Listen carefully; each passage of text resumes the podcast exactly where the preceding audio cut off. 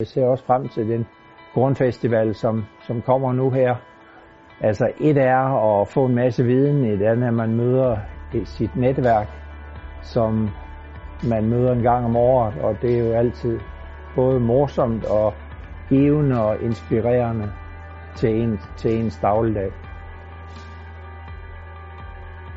Altså mange, mange af de sorter, som, som vi har, de er jo kommet med inspiration fra, fra kornseminaren eller kornfestivalen eller Nordisk Kornring, hvor, hvor der var nogen, der havde noget, hvor jeg så fik en kontakt.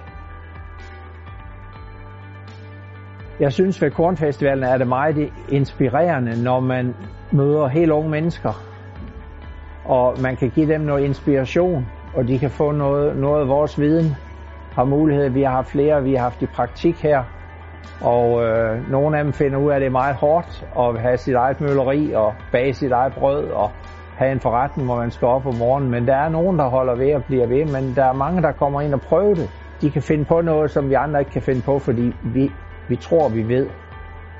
Og det der med hele tiden at kunne tænke nye tanker, se nye veje, og det synes jeg er rigtig vigtigt. Jeg glæder mig til at se alle gode venner bekendte og snakke om korn, så, så væggene de buller.